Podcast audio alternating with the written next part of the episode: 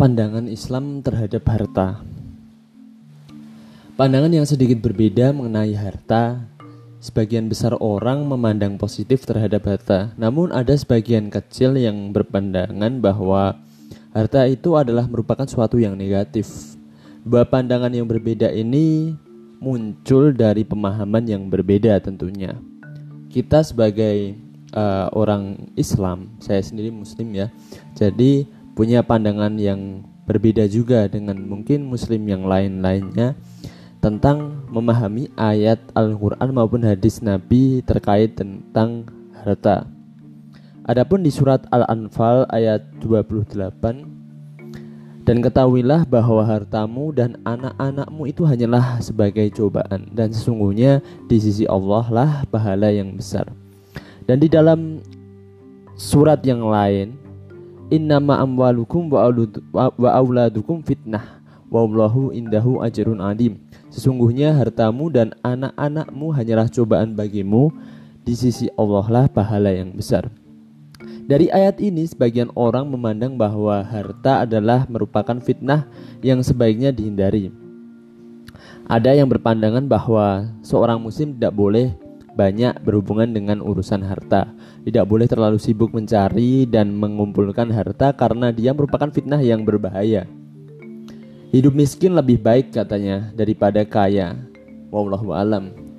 Bagaimana kelompok ini memandang anak-anak mereka sendiri kita juga tidak tahu apakah mereka memandang bahwa anak ini adalah sebuah fitnah ataukah sebuah karunia dari Allah. Saya sendiri memiliki dan mengikuti pandangan yang berbeda dari beberapa ulama. Harta dan anak bisa menjadi fitnah, namun juga bisa menjadi anugerah, bisa menjadi hal positif dan juga bisa menjadi hal negatif. Ini semua tergantung dengan kondisinya ya.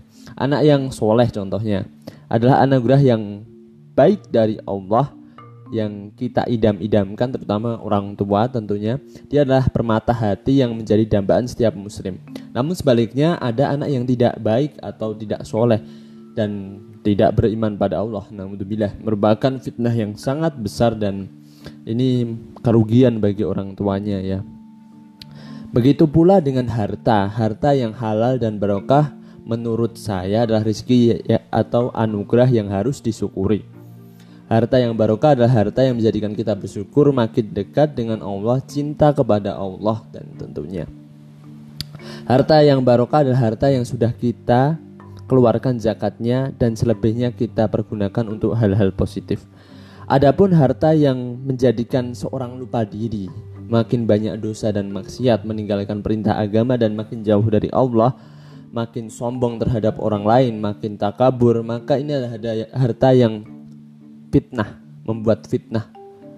Dan harus kita hindari hal seperti ini. Dengan bahasa sederhananya, kalau harta menjadikan kita seperti Abu Bakar, maka ini adalah harta yang positif.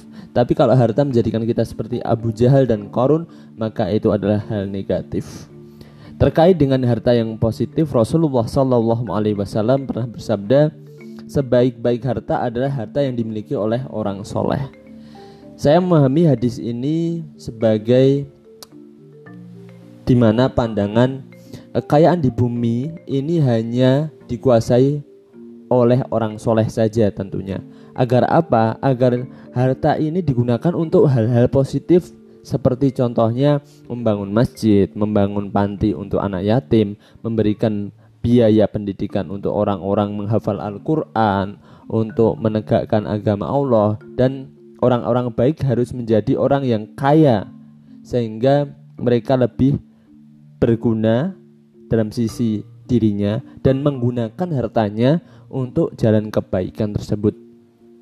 Pertama banyak dari kita ya, melihat orang soleh, tapi mohon maaf sebelumnya mereka tidak memiliki harta dan tidak bisa beramal lebih karena mereka memiliki kekurangan harta juga. Dalam hadis yang lain yang sangat populer tentunya dijelaskan bahwa iri dan dengki itu merupakan hal yang negatif dan tidak boleh ada pada diri muslim. Tapi di sisi lain itu ada juga iri dengki yang diperbolehkan.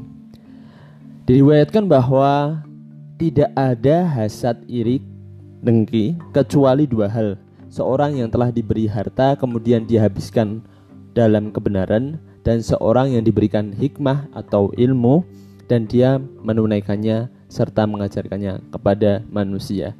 Nah, di sini menjelaskan bahwa harta bisa menjadi hal positif jika digunakan untuk hal yang positif, seperti menegakkan kebenaran dan melakukan kebaikan. Kita tahu bahwa untuk menegakkan kebenaran seperti mengadakan ceramah di masjid, itu kan membunuhkan biaya yaitu konsumsi, minumnya, ustadznya nanti untuk mukafaah dan sebagainya.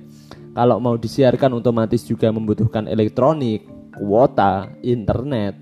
Nah, intinya teman-teman semua, harta akan menjadi fitnah manakala digunakan untuk hal yang negatif karena dikuasai oleh orang-orang yang jahat dan harta akan menjadi sumber kebaikan jika dimiliki oleh orang-orang yang baik untuk kegiatan yang positif.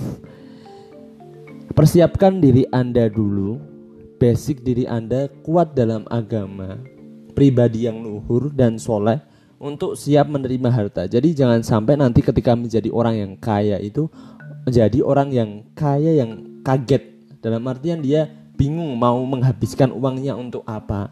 Jadi kekayaan itu akan datang pada mereka yang sungguh-sungguh tentunya.